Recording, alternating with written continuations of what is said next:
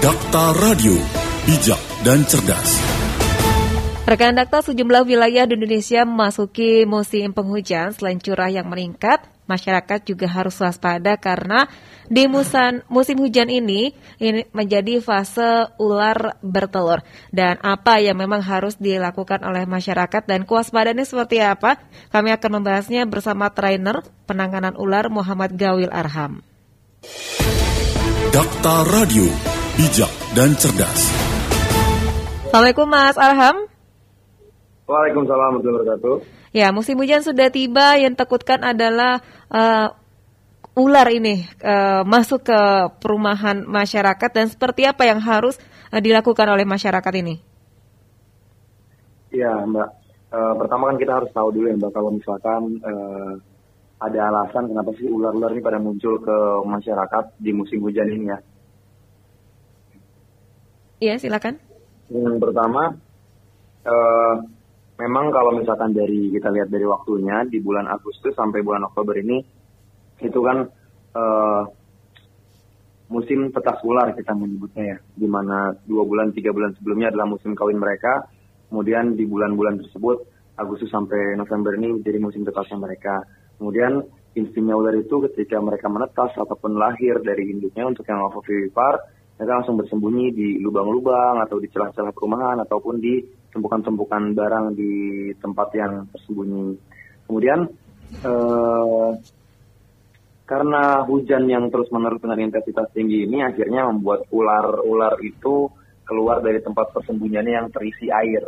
Uh, dikarenakan ular itu adalah hewan yang berdarah dingin yang akhirnya tidak bisa memproduksi panas tubuhnya sendiri sehingga kalau mereka kedinginan mereka harus mencari tempat yang lebih hangat. Nah itulah alasan mereka bersembunyi di area-area perumahan kita yang mungkin banyak tumpukan barang, entah itu pot, tumpukan sepatu, masuk ke dalam rumah, bersembunyi di bawah lemari, di bawah kasur dan sebagainya. Nah hal-hal yang perlu kita lakukan kalau misalkan eh, bertemu atau menemukan ular di dalam pemukiman kita, yang pertama adalah eh, sebisa mungkin kita nggak membunuh ya mbak, karena kan ular itu pun punya peran penting dalam ekosistem. Eh, yang perlu kita lakukan hanyalah mengusirnya atau menjauhkannya menggunakan benda-benda yang bisa kita manfaatkan. Contoh, kalau misalkan kita di rumah ada sapu, ada ember, atau ada kain pel yang ada tongkatnya, kita bisa menggunakan itu. Nah, tapi kalau misalkan ternyata kita nggak berani juga, mungkin kita bisa menghubungi orang-orang yang mempunyai kemampuan seperti itu, seperti pemadam kebakaran contohnya, untuk di area Jabodetabek seperti itu, Mbak. Iya, tentunya uh, yang patut diwaspadai. Nah, biasanya bagian-bagian rumah mana saja yang uh, harus diteliti uh, dan diwaspadai nih, Mas Arham?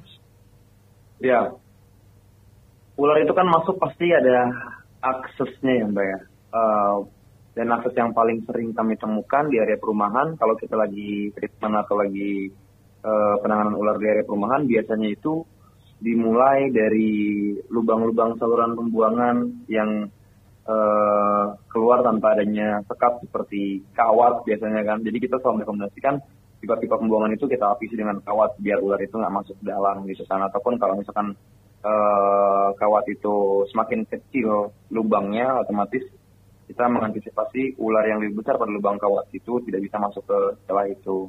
Nah, Selain itu, biasanya pintu yang terbuka atau celah dari uh, pohon, po, uh, maaf, uh, pohon dari luar area tembok rumah kita atau dari luar rumah kita yang mengarah ke dalam rumah.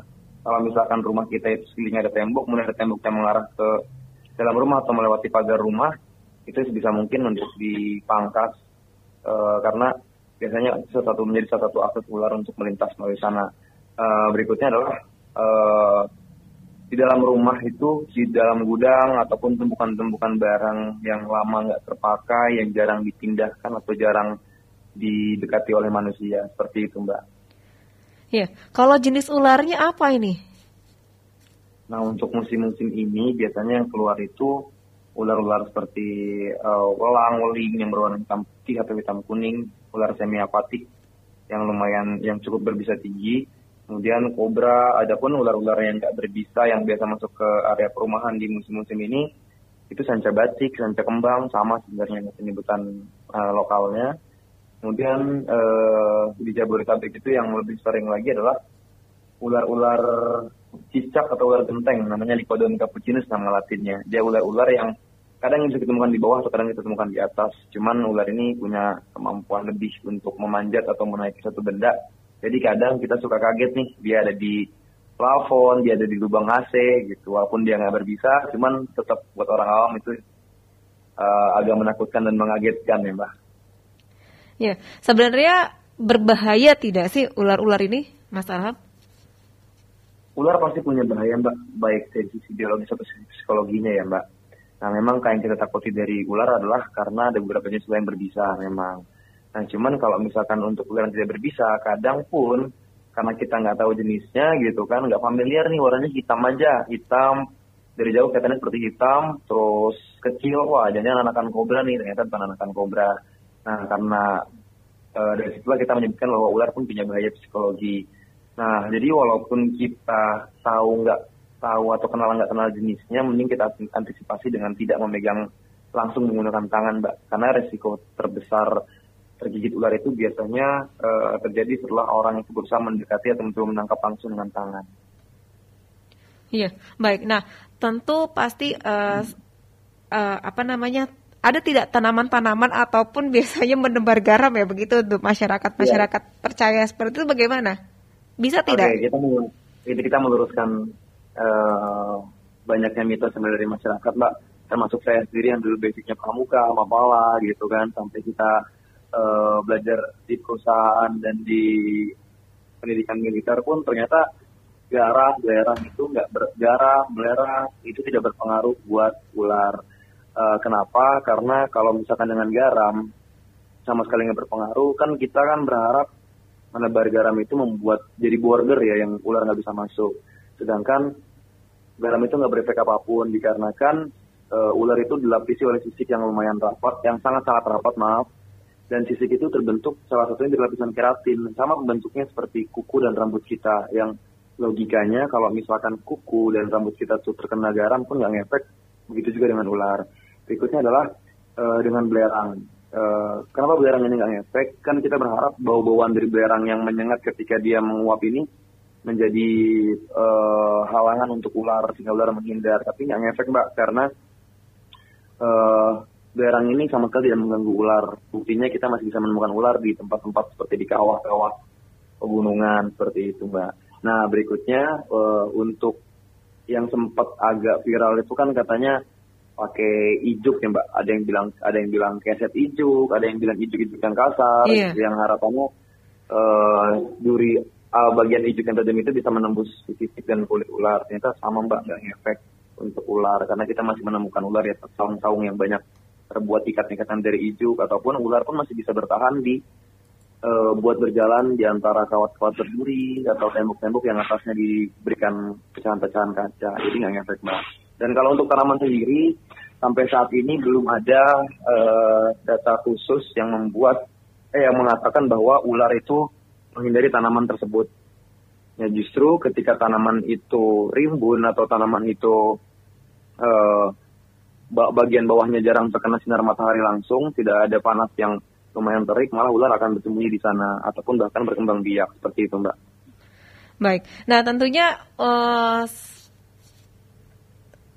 bagi masyarakat yang uh, menemukannya, haruskah panik begitu? Jadi gini mbak, justru yang kita sarankan kepada masyarakat adalah bisa mungkin nggak panik ketika bertemu ular. Karena kadang kan paniknya kita bergerak tiba-tiba, lari, mengusir atau memukul ya mbak. Nah, ular malah akan merespon itu menjadi uh, tanda provokasi. Dan itu yang akan membuat ular menyerang kita. Karena pada dasarnya ular itu tidak akan menyerang ketika tidak melihat adanya provokasi. Misalkan ada ular di kaki kita dengan jarak satu atau dua meter gitu ya, atau mungkin bahkan kurang satu meter, ketika kita nggak bergerak, pasti ular sudah menyadari adanya kita dari bau-bauan kita atau dari sensor panas yang dia miliki. Cuman tetap ketika nggak ada gerakan yang provokatif, ular tidak akan menyerang kita. Gerakan provokatif yang saya maksud ini e, gerakan tiba-tiba yang kita lakukan gitu kan, e, yang ditangkap oleh ular, oh ini ancaman seperti itu mbak. Baik, jadi dia semakin hmm. ancaman, dia akan semakin berontak dan justru akan menyerang kita ya? Betul sekali. Jadi usahakan kita uh, diam, terus meminta bantuan, begitu ya? Betul, Mbak. Karena kita kan masih bisa teriak ya untuk minta bantuan misalkan atau kita mengeluarkan HP pelan-pelan dari kantong untuk melakukan siapa pun yang bisa membantu kita.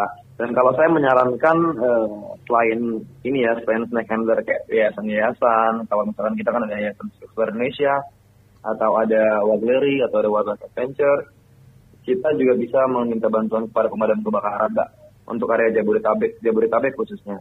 Yeah. Karena kan mereka salah satu tugasnya untuk fire and rescue dan uh, bentuk ancaman dari hewan termasuk tanggung jawabnya mereka seperti itu. Baik. Nah tentunya ketika uh, menemukan kita tidak panik, tapi kan kalau kita menelpon menunggu dari uh, pihak yang memang berwenang ini cukup lama, apa yang bisa dilakukan?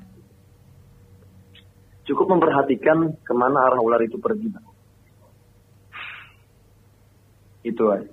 Karena kan dia masuk ke rumah kita ini pasti ada alasannya. Iya.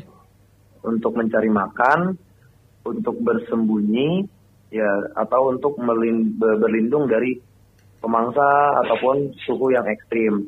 Nah, makanya itu membuat alasan ketika ular masuk ke rumah dan tidak adanya provokasi, dia pun tidak akan langsung pergi dan keluar begitu aja, Mbak. Kecuali kalau memang benar-benar kita berani buat mengusir dia menggunakan sapu gitu mm -hmm. kan, ya itu ya oke okay lah nggak ada masalah. Nah, kalau kita nggak usik pun dia akan tetap ada di daerah itu dengan berjalan pelan-pelan. Ya, kalaupun kita uh, sudah melihat ke mana arah ular itu pergi, ternyata hmm. bersarang di dalam rumah kita ada telurnya, harus seperti apa ini? Oke, ternyata kita menemukan telurnya ada di area kita ya, yang yeah. artinya ternyata ternyata tempat kita jadi tempat berkembang biaknya ular. Nah, justru uh, itu akan memudahkan orang yang datang membantu kita untuk mengembangkan ular dan telur-telurnya, Mbak. Karena gini, walaupun ular itu tidak uh, mengerami telurnya, kan dia berdarah dingin ya, maksudnya dia nggak bisa produksi panas tubuhnya sendiri, dia juga nggak akan mengerami telurnya karena nggak akan dampaknya gitu, beda dengan ayam atau yang lainnya. Mm-hmm. Nah, tetap ular ini punya insting di mana dia akan menjaga telurnya dari predator, walaupun nggak semua ular, tapi kebanyakan ular seperti sanca batik, kemudian kobra, kobra, itu akan menjaga telur-telurnya. Dia akan berada di sekitar area telurnya. Nah, kalau misalnya kita melihat telurnya atau kita melihat induk dengan telurnya, uh, kita tinggal menutup atau mengisolasi daerah tersebut, Mbak, mm-hmm. di lokasi itu untuk uh, menjaga agar ular itu nggak ke mana-mana, Mbak. Itu aja sudah cukup sambil menunggu bantuan datang. Baik. Nah, uh, biasanya ini ada di pemukim, pemukiman padat atau memang uh, perumahan biasa saja deh? Apa tidak mengenal ular itu ke mana saja mereka? Sebenarnya gini mak, nggak jadi masalah apakah itu pemukiman padat ataupun pemukiman elit ya. Hmm. Yang biasanya kami temukan dari data kami di penanganan perumahan, yang paling sering adalah uh, area pemukiman yang dekat aksesnya dengan sungai-sungai besar yang melintasi antar kecamatan, antar kota, dan sebagainya. Nah, sungai-sungai besar yang uh, jarak dekat ini yang kami maksud adalah uh, jarak sekitar kurang dari satu kilometer seperti itu, Mbak. Karena kan sungai adalah menjadi salah satu uh, akses terbesar ular untuk berpindah lumayan jauh, gitu, Mbak. Baik. Nah, kalau untuk uh, sinar matahari bagaimana ini? Ya.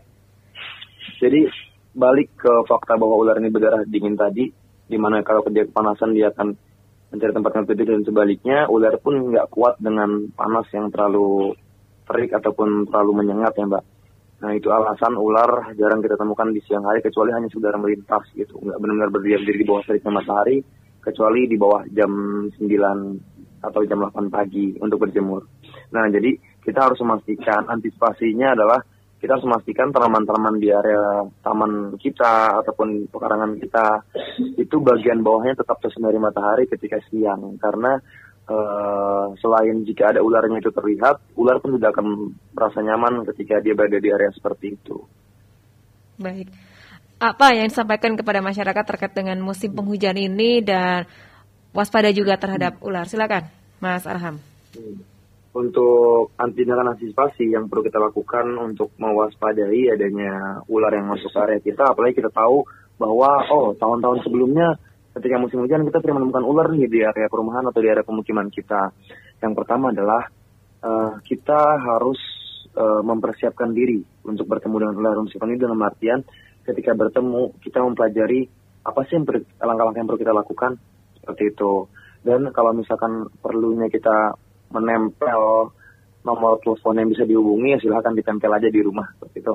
Nah berikutnya adalah uh, antisipasi agar ular ini nggak menetap lama ataupun tidak memancing atau mengundang ular masuk ke tempat kita. Itu dengan cara pastikan area sekitaran rumah kita itu bersih dari tumpukan sampah, dari tumpukan barang-barang tidak terpakai. Karena kan biasanya perumahan itu ada tumpukan-tumpukan uh, sampah tanaman gitu kan atau tumpukan kardus-kardus dan sebagainya. Itu kan membuat ular tertarik dengan tempat tersebut untuk berlindung dan bersembunyi dan ketika dia benar-benar bersembunyi tidak ada tempat tidak ada pilihan tempat lain di sekitarnya maka dia akan menetap cukup lama di situ bisa seminggu dua minggu bahkan sebulan nah selain membersihkan tempat-tempat seperti itu di luar dan di dalam rumah kita juga perlu melakukan pemantauan di area sekitaran kita apakah ada uh, mangsa-mangsa dari si ular contoh misalkan katak atau uh, tikus kita harus memutus rantai makanannya. Jika tikus, kita harus membersihkan rumah kita biar nggak jadi tempat bersarangnya tikus. Dan kalau misalkan katak, kita bisa membatasi dengan uh, menambah pagar, menambah tingginya pagar, atau memberikan sekat lebih di area rumah tersebut. Seperti itu sudah cukup untuk mengantisipasi ada atau masuk dan bertahannya ular di area pemukiman kita. Baik. Mas Arham, terima kasih sudah berbincang bersama Dakta edukasi yang sangat menarik sekali agar masyarakat lebih waspada lagi. Terima kasih. Assalamualaikum warahmatullahi wabarakatuh. Waalaikumsalam warahmatullahi wabarakatuh. Dakta Radio, bijak dan cerdas. Demikian perbincangan kami bersama trainer penanganan ular Muhammad Gawil Arham.